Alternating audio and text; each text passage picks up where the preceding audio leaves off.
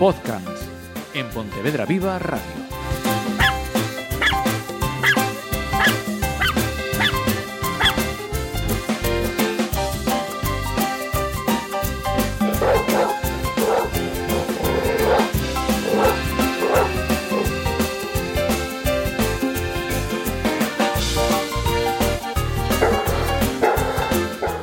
Hola, saludos. Eh, estamos aquí a puertas ya de esas fiestas navideñas que precisamente van a ser el motivo que ha elegido mm, Diego Álvarez. No vamos a hablar de las fiestas, pero sí, como digo, de las fiestas. Vamos a tratar este podcast. Lo primero de todo, gracias un programa más por estar aquí con nosotros. Y, mm, ¿y por, por qué el hecho de decir, venga, vamos a tratar este tema en este momento. Yo creo que cuando empecemos es obvio, pero cuéntanos, por favor. Correcto. Muy buenas a todos. Eh, básicamente, pues eso, precisamente porque son Navidades y porque eh, a perros y otro tipo de, animales se los trata como un regalo y no debería de ser así. No olvidemos que son seres vivos, con lo cual un ser vivo, por lo menos desde mi punto de vista, no se regala. Eh, entonces, estamos hablando de, de un regalo que, que viene por deseo de los adultos, por deseo de los pequeños. Un poco, yo creo que mezcla de todo, pero sobre todo lo típico de los niños de, ay papá, este año para Reyes o para Papá Noel podías traer un perrito y tal. El niño lleva ya tres años tocando las narices con el perrito y el padre pues dice, pues te traigo un perrito porque es Navidad. Y hay que pensar las cosillas. Hay que pensar eh, las cosas. eh, por tanto, eh, un dato también que me decías en, en ese sentido, que, que te vuelvo a preguntar ahora con el micro abierto. Decías que durante estas fechas navideñas, precisamente, al menos decías, en el caso aquí de, de Pontevedra, no hay posibilidad de, de adoptar perros. Correcto, por lo que tengo entendido, mm, por lo menos Palleiros en la, en la época de Navidad cierra la posibilidad de adopciones para, pues para, para eso, para que no haya adopciones por, por capricho. y, que, y que no es la primera vez que pasa, que pasan Reyes, tres días, están ya del perro hasta las narices y a la vuelta para la protectora. Eso no tiene sentido ninguno, vuelvo a decir. Pues devolvemos el juguetito de tal a la tienda porque no le gusta o el de cual porque viene defectuoso, pero estamos hablando de objetos, no de seres vivos. Eh, en cualquier caso, que esto que va a seguir a partir de ahora no sirva para decir, oye, me están dando consejos eh, para ver si incorporamos a una mascota a casa, qué, eh, cuándo, cómo, qué, tipo de mascota. Vamos a hablar de, de esos consejos generales para aquellos que quieran tener un perro en casa, ¿no? Pero que nadie entienda esto como eso. Estamos en Navidades, correcto. nos están dando consejos. Es decir, si, si han tomado ya la decisión de forma que es como tiene que ser unánime, todos los miembros de la familia, todos van a estar implicados, eh, qué bonito traerlo en Navidad, perfecto, siempre que se haga con coherencia. Y como mm, eh, eso, es una época en la que aumenta pues compra y adopciones, pues creo que es un buen momento para, para que la gente vea ventajas y desventajas de, de- de adoptar un, un cachorro, un adulto, o un mestizo o un perro de raza, y que sepan dónde se está metiendo. A mí muchas veces la gente me dice, perro o niño, y digo, niño, que luego crece y se larga. Pero el perro desde que entra hasta que sale va a depender toda la vida de nosotros. Ajá. Entonces eso es muy importante tener- tenerlo, tenerlo en cuenta. Eh, a la hora de elegir eh, qué, qué tipo de, de perro vamos a tener, eh, ¿qué, qué es lo más importante a tener en cuenta? Que sea un, un animal recién nacido, el tipo de raza, ¿qué es lo que, que hay que fijarse? Claro, como todo en, en los perros, eh, todo tiene ventajas y tiene desventajas. Ajá. Por ejemplo, en el caso de, de- de que queramos un perro de raza, eh, ya lo he dicho en, en varios programas, eh, estoy, eh, o sea, me encantan ciertas razas. eh, creo que las, las cualidades, digamos, psicológicas de determinadas razas, sobre todo en beneficio del ser humano, es genial, pero también soy de la idea de que creo que hasta que las protectoras, si no me harto de decirlo, estén vacías, hay que tener mucho control y que deje de haber esa sobrepoblación y que todos los perros puedan vivir en un piso, en una casa, donde sea, con compañía humana, felices y contentos. Pero eh, hay que dar todos los puntos de vista, lógicamente.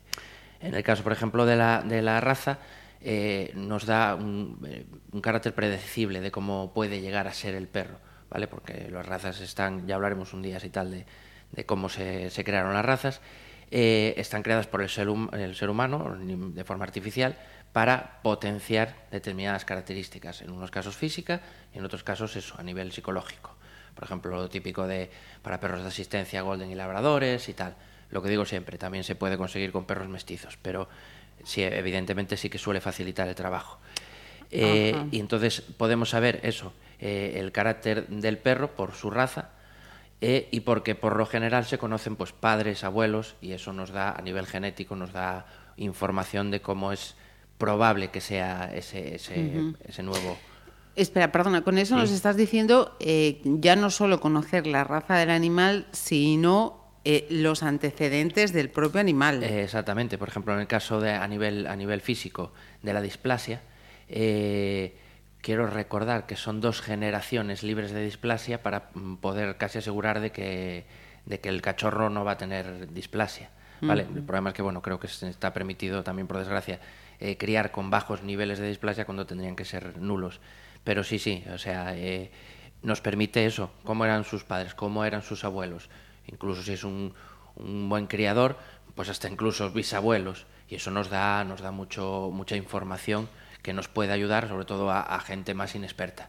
Es decir, busco un, un perrín que sea tranquilito, y pues mira, no te preocupes, de esta camada los abuelos y los padres eran súper tranquilos, vale, genial, ¿vale? busco un perro de línea de trabajo, pues el padre y la madre de estos fueron campeones de agility en España, vale, pues evidentemente, pues esto es, creo que lo había dicho alguna vez, es como decir que el hijo de Usain Bolt no va a correr rápido. Hombre, facultades va a tener, ¿vale? Entonces, por ahí nos, da bastante, bastante información. Luego, por ejemplo, en el caso de los mestizos, yo una cosa que suelo destacar mucho, aparte del hecho de poder sacarlos de las protectoras, es que eh, se hizo un estudio en el que se demostró que este tipo de perros desarrollan el vínculo más rápido y más fuerte que perros que hayan sido comprados o de criadero o así. Entonces, eh, a mí me parece mm, un detalle, vamos, impresionante. Y además, evidentemente, aparte de que está basado en un estudio, eh, es obvio, o sea, es que se ve, se ve. Problema que suele traer muchas veces esto, no sé si lo había comentado alguna vez, problemas de ansiedad por separación. ¿Por qué? Porque la gente tiende mucho a, ah, voy a coger vacaciones, voy a adoptar un perrín para que así no esté solo. Entonces nos pasamos 24 horas al día con el perro durante 15 días que cojamos de vacaciones y el día 16 de repente el perro pasa de estar todo el día con alguien a estar casi todo el día solo. Entonces esto el perro pues no es capaz de asimilarlo. Es muy importante eso cuando, cuando se adopta un, perrín o se compre, eh, ir poco a poco acostumbrándolos a quedarse solos. ¿vale? Porque si no, eso, Sí, lo habíamos comentado, efectivamente, con, con, la situación de cuando llega el bebé, que pase lo mismo. ¿no? exactamente, que, de repente entra el bebé y dejó de hacerle de golpe caso al perro. Entonces hay que tener precaución con esas cosas. En cuanto al tema cachorro o, adulto, lo mismo. Hay ventajas y hay desventajas. el cachorro siempre va a ser mucho más moldeable si lo cogemos sobre todo eh, en la etapa de socialización o podemos ya interactuar en la etapa de socialización podemos ir llevando, entre comillas, al perro a donde, a donde nosotros nos interese, con una buena socialización con humanos, con, con perros, con gatos, y ahorrarnos problemas, pero sí que es cierto que también requieren una mayor atención, igual que los bebés. Evidentemente, eh, son, son, más pequeñitos, requieren salir más a la calle para eh, eliminar la menor cantidad de veces en, en, casa y no cometer errores, entonces requieren más atención, eh, pero es eso, son más moldeables, digamos, ¿vale? Es como lo mismo, una adopción de un, de, un, de un, crío. Si adoptamos un bebé, pues evidentemente se va a tener más troquela con nuestro, con nuestro digamos, carácter eh, que si adoptamos un niño de 14 años. Pues pasa exactamente lo mismo. Es muy importante en este sentido, sea adopción, sea compra, que nunca se debe destetar, eh, salvo que la madre haya, haya rechazado a los cachorros, antes de los tres meses de edad. Porque ese es el periodo en el que, igual que hay el periodo crítico de socialización, lo de la tercera semana y el tercer, cuarto mes de vida, en esos tres mesecitos siempre debe estar con su madre y con sus hermanos porque le van a enseñar una cantidad de cosas impresionantes. Comunicación, inhibición a la mordida. A mí cuando me llaman muchas veces y me dicen, oh, es que el perro cuando juego con él, con las manos o tal, a veces no controla mordiendo. Suelo preguntar siempre lo mismo. ¿Lo destetasteis antes de, o llegó a casa antes de los tres meses? Sí es una pasada. O sea, eh, por ejemplo, en el juego entre dos cachorrillos, hermanos, están jugando, uno muerde un poco fuerte y es un poco como cuando los dos hermanos juegan. ¿te has pasado jugando? No juego más, ¿vale? Y lo aprenden, genial. A nosotros siempre nos va a costar mucho más. Somos especies distintas, siempre, siempre eh, va a ser mucho más fácil la comunicación. Eh, en el caso de un perro adulto, ya vamos a saber qué carácter tiene ese perro, porque evidentemente ya lo ha desarrollado, entonces nos da la, la- la facilidad de ver pues, eh, las características que tiene a nivel físico y psíquico para decir, pues mira, busco este tipo de perro, pues ya lo cojo adulto, ¿vale? En este caso, un poco también, yo creo que lo tengo dicho alguna vez, eh, perros eh, geriátricos en protectoras, sacarlos de allí, por lo menos que sus últimos años o días de vida, pues que los vivan en un pisito con calor y con, y con cariño, es, es fundamental. Y luego, evidentemente, al estar ya el carácter desarrollado, van a ser menos moldeables, menos, no quiere decir que no se pueda, pero sí que van a ser, lógicamente, menos. Luego, por ejemplo, en el tema macho-hembra. Ajá. Eh, los machos tienden, tienden a tener un carácter más territorial. Aquí un poco lo que hablábamos siempre. Eh, si el perro está bien sociabilizado, no debería de haber problema. Pero es cierto que por factor genético, determinados perros de, de- de guarda y defensa, como pueden ser un pastor alemán, por ejemplo, tienden a tener un carácter más, más territorial. Entonces hay un poco, dependiendo de, de- ya no digo de lo que se busque, sino de, de, pues no quiero que tenga un carácter territorial, quiero que en mi casa entre gente, entren perros y, y no haya problema ninguno. Y luego, eh, en el caso de las hembras, yo lo que más destacaría, yo creo que esto es tanto a nivel canino como a nivel humano, que son mucho más estables, por lo general. ¿vale? Yo, de los machos y las hembras que llevo conocido, la hembra suele ser mucho más estable, mucho más comunicativa, eh, tiende a, a saltar con menos facilidad, o sea, perdón, con más, bueno, sí, con menos facilidad. Eh, entonces a mí personalmente me encanta trabajar más con, con hembras que con, con machos. Pero bueno, a gustos, colores. Eh, mira, y, y en esto que nos estás eh, diciendo, por ejemplo, hay que tener en cuenta eh, dónde va a ir a vivir el animal. Es decir, si yo vivo en una casa con un espacio de jardín, en un piso de mm, 60, 80, 110 metros, eso hay que tenerlo en cuenta. Sí y no. ¿Por qué? Porque realmente un perro que viva en un piso, Bella vive en un piso conmigo, ¿vale? Pero está cubierta en todas sus necesidades. Sale todo lo que tiene que salir, tiene sus cons para comer, tiene suficiente interacción social conmigo, con otros perros y con otros humanos.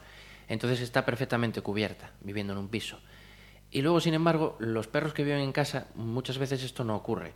Por lo típico, es que tengo 5.000 metros cuadrados, ¿para qué lo voy a sacar? Pues porque 5.000 metros cuadrados de finca para el perro en una semana no hay estímulos nuevos. Está más aburrido que una patata. Estará deseando que entre un topo porque por lo menos así podrá intentar cazarlo. Los perros vivan en piso, vivan en casa, tienen que salir. Tienen que ver, mm, eh, tener estímulos nuevos, sobre todo lo que hablamos siempre, estímulos olfativos. Entonces, influye. Hombre, si, te, si estás más limitado a la hora de sacar al perro, siempre es más fácil tener una casa que en un momento dado, pues de las tres veces que suelo recomendar sacar un perro, una la saco un momento a la finca, hace un pis, hace una caca, para adentro, y yo me voy a trabajar o a lo que sea. Siempre es más fácil, evidentemente. Pero si se tiene tiempo, se pueden cubrir las necesidades, sea una casa, sea un piso, sea lo que sea. A ver, uno de los sitios donde más felices están los perros, cuando se quedan solos, es en un transportín. Un transportín, que el espacio es el justo para que tenga un comedero, un con, un bebedero, su mantita, y el perro pueda levantarse, cambiar de posición, un número limitado de horas, evidentemente no puede estar un perro ocho horas metido en un transportín, eso es una salvajada, pero mm, hasta cuatro podríamos decir horitas, el perro va a ser súper feliz. Vienen del lobo, el lobo se cría en madrigueras, con lo cual, genéticamente, hay perros que les cuesta más adaptarse, hay perros que menos, pero son súper felices, con lo cual el perro no necesita un mogollón de espacio para, para, para ser feliz. Todo lo contrario, sobre todo eso. En situaciones en las que está solo, un transportín es genial.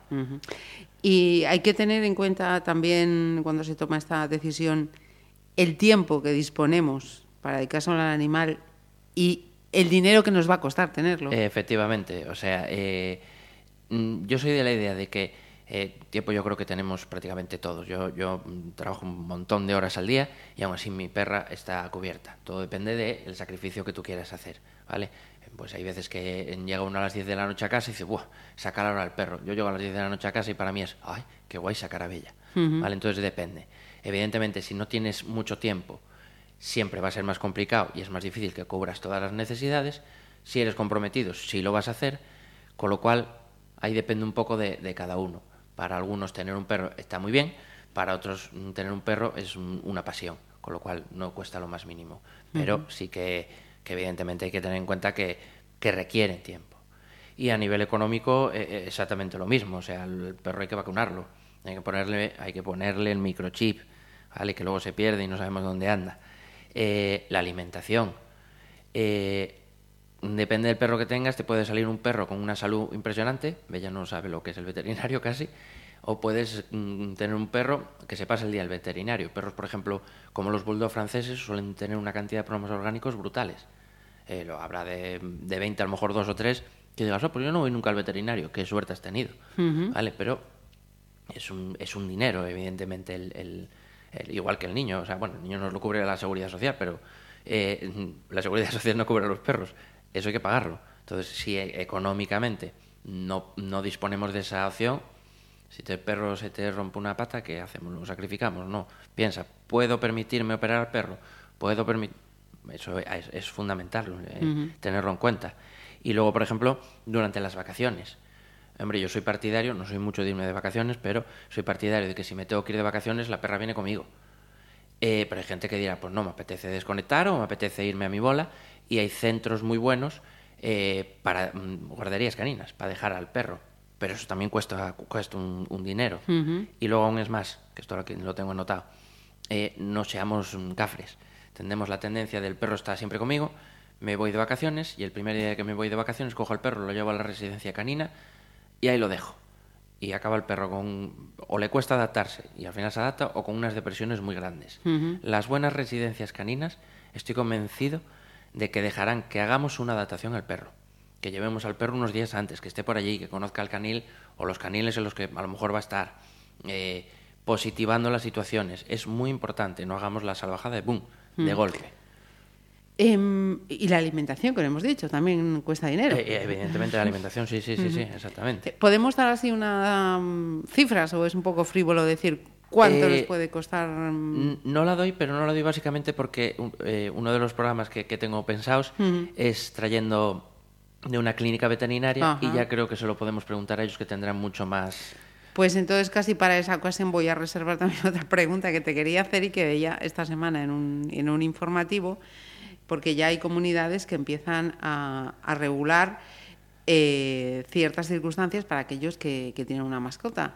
Eh, y esta semana eh, escuchaba una en la que obligan a todos los propietarios de perros a que tengan que estar esterilizados. Pues eh, la verdad no lo leí. Es un poco lo de, lo, lo de siempre.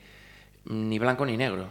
O sea, lo que comentábamos antes, si tengo un perro con unas características, imaginemos un perro en búsqueda y rescate en estructuras col- colapsadas, que es brutal, ¿por qué no voy a aprovechar el día de mañana ese factor genético cruzando con una hembra de características similares para poder encontrar pues humanos, eso, pues en derrumbes y así?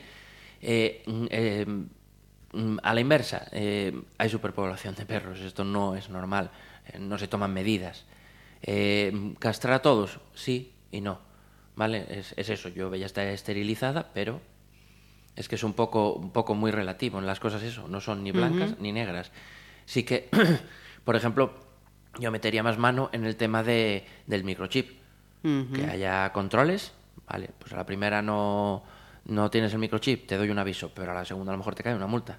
Ajá. La recogida de heces me parece hasta más importante Sí, bueno. de- que, que el, que, el, que el castrar o no.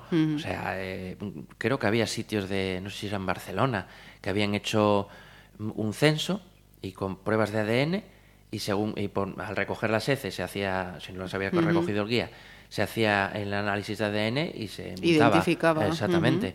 Eh, luego también, por ejemplo, creo que también es en Barcelona, tú tienes que ir con un cacharrito de agua y si tu macho o, tu hembra, que hay hembras que también levantan la pata, eh, mea en tal sitio o en el suelo, tienes que echarle con el cacharrito de agua para que no haya, para que no quede la, la mancha. Entonces, creo que hay cosas pues más, más tal, más entre comillas importantes.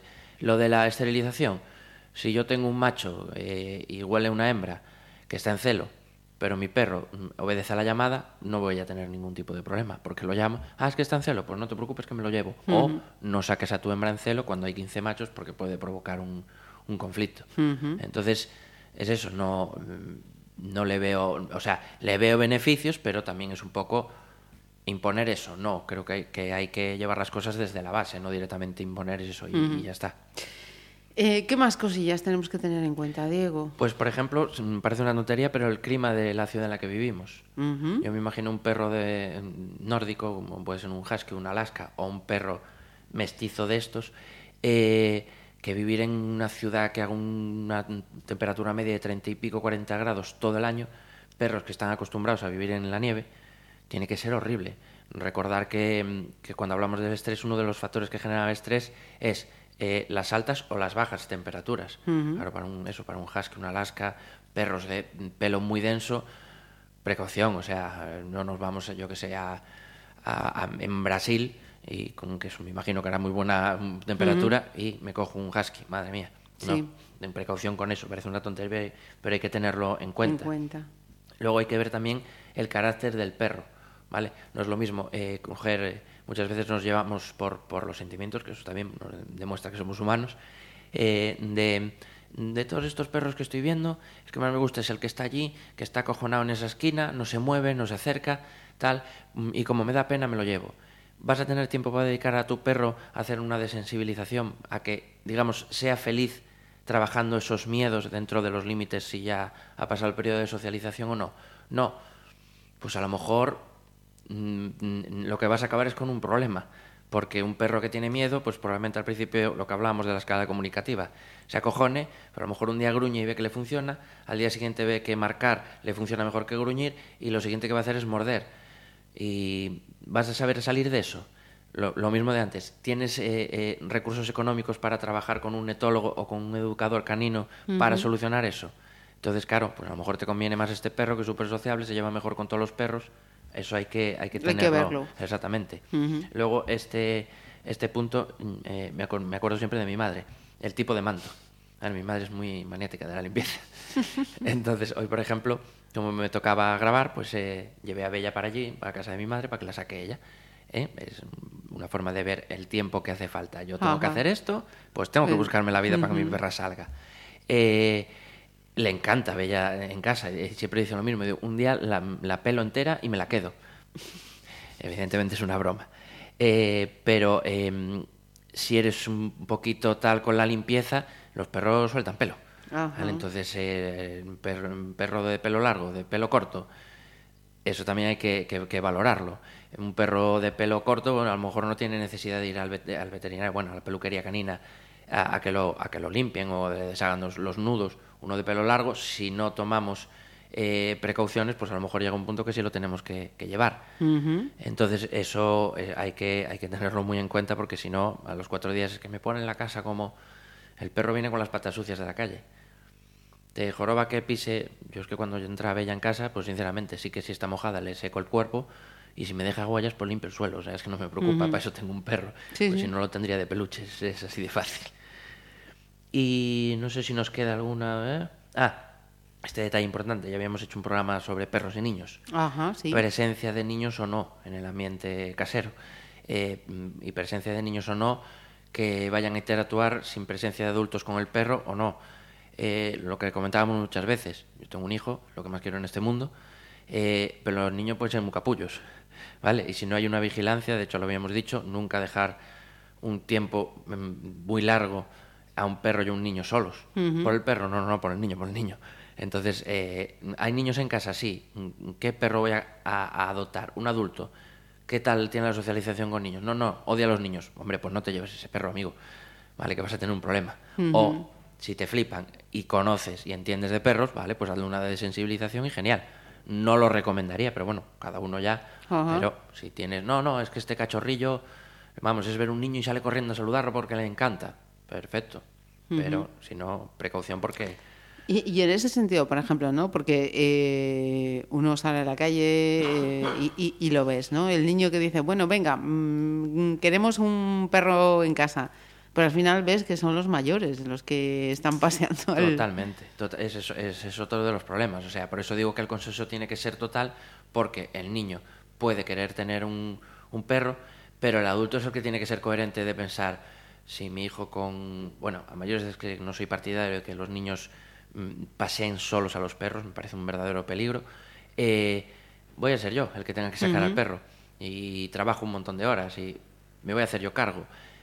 Pues eh, nosotros como adultos somos los que tenemos que tomar esa decisión de, no, mira, no es el momento. O yo es que haría pruebas, ¿vale? Pues mira, de aquí a un mes te vas a levantar todos los días a esta hora, que es a la hora a la que tendrías que levantarte para sacar al perro, al mediodía vas a salir a la calle, te vas a dar un paseo tú solo de media hora, y a la noche, cuando estén cayendo, como está cayendo ahora mismo, chuzos de punta, vas a hacer lo mismo, porque el perro, aunque llueva, tiene que salir. Eh, al tercer día el niño dice, no quiero perro, cógeme un hámster, que me es mucho más sencillo, ¿vale? Entonces, eh, es eso, o sea, como adultos somos nosotros los que tenemos que, que tomar esa determinación. Yo lo comento muchas veces ahora con, con amigos y con la familia. Eh, el día que, por desgracia, espero que me dure mucho, me falte Bella, yo me, me replantearía muy mucho tener otro perro, por lo menos ya. Eh, las circunstancias de mi vida me obligan a trabajar muchísimas horas al día. Y está bien atendida, sí, pero mm, ¿cómo? A costa de mi salud. Entonces, evidentemente, soy de la idea de que un perro en mi casa sale cuando por desgracia se muera, eh, entonces va a estar bien cuidada, pero me está costando mucho esfuerzo que esté muy bien atendida. Sí, entonces, sí. es eso, como adultos tenemos que, que ser coherentes. Tener esa, esa madurez, sí, Exactamente. efectivamente.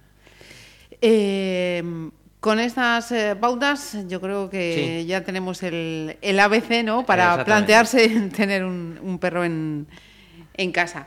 Eh, este programa, los que seguís eh, podcast, ya sabéis que también viene acompañado de recomendaciones bibliográficas. ¿Qué nos Correcto. recomiendas hoy, Diego? Eh, recomiendo un libro, además va en este sentido, de, de Ian Dunbar. Bueno, de Ian Dunbar recomiendo cualquier libro, eh, que se titula Antes de tener un cachorro, en el que nos dan las pautas de qué implica tener un cachorro, mm, lo que hablábamos, raza, mestizo, macho, hembra. Nos da una serie de pautas, está muy bien. Luego tiene otro que era eh, un cachorro en casa, que es ya cuando ya entra el perro en casa. Y, y me parecía muy, muy apropiado con respecto a la temática tema que, de hoy. que, toma- Ujú. que tocábamos hoy. Y ya que hablamos de, de libros, pues una frasecita, ¿no? Eh, Exactamente. Hoy la cogemos de Friedrich Schiller o algo así, que parece ser que era yo, la encontré la frase, me gustó, un dramaturgo y un, un poeta, me parece, eh, no sé si recuerdo bien si era francés, quiero recordar, que dice que no es la carne y la sangre, sino el corazón lo que nos hace padres e hijos. Entonces, en este sentido, no voy a hablar de que Bella es mi hija, ¿vale? Es lo de siempre, pero sí que tengo muy claro que, al igual que si tengo un hijo, va a estar atendido desde que entre en mi casa hasta que me muera yo, espero morirme yo antes, lógicamente, eh, con el perro debería de ser igual, ¿vale? Nada nos debería de, de- de hacer, eh, salvo que no podamos atenderlo, pues eso, a nivel económico, lo que sea, a- a llegar al punto de deshacernos de un perro. Yo es que soy de la idea, me llamarán cafre, que para mí una persona que es capaz de deshacerse de un perro es capaz de deshacerse de un hijo. Y hombre, no soy muy partidario, la verdad. Mira, eh, recordamos eh, ese correo electrónico. Si tenéis una duda o queréis que Diego pues nos traiga algún tema en concreto o alguna preocupación, ¿dónde te pueden escribir? Eh, exactamente. Eh, pueden escribir a podcans, podcans arroba gmail.com. Solo un podcast, que lo dije dos veces. Podcans arroba gmail.com. Mandar consultas en la medida de lo posible se solucionarán. Ya sabéis que hay cosas que no son, que no son inmediatas, pero eh, animaros, animaros que, que es por los bichillos. O sea que. Mira, y esta imagen que nos acompaña en el programa de hoy, eh, ¿a quién Eh, corresponde? Exactamente. Eh, volvemos a, a tú eres nuestra, nuestra ayuda por la urgencia de- del caso que les acaba, si, si no recuerdo mal, la, la casa de acogida creo que les acaba en diciembre. Son tres perriños, no es necesaria adopción de los tres, si de los tres, perfecto. Eh, se llaman Ron, Linda y Rubio. Tienen entre 10 y 11 meses, tienen muy buena socialización tanto con humanos, con perros, con gatos. Son un verdadero encanto. No es como el caso de Tank, yo a esto no, lo- no los conozco, pero vamos, sí conozco a Ana, tú eres nuestra ayuda y es una fenómena. Eh, están todos castrados, excepto la hembra, que creo que la, que la esterilizaban en enero.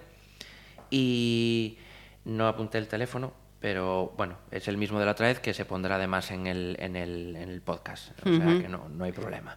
Y a ver si les buscamos un- una casilla que entren y ya no salgan, ¿vale? Mira, eh, no hemos dicho en este caso, no sé si tenemos. eh, ¿Son perros de raza? Son mesti- mestizos, son mestizos. Sí, sí, sí, son tres mestizos. Perfecto. Pues eh, con esto, Diego, hemos tomado nota. Exactamente. Ya sabéis, eh, cualquier sugerencia, duda, etc., etc., en ese correo electrónico.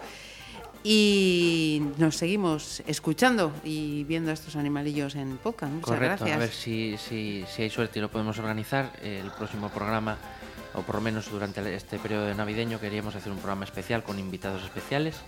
Entonces, a ver si todo sale bien, va a ser uno que yo creo que nos vamos a reír bastante. Pues queda ahí la sorpresa. Hay que escucharlo para saber de qué va. Muchas gracias. Gracias a vosotros.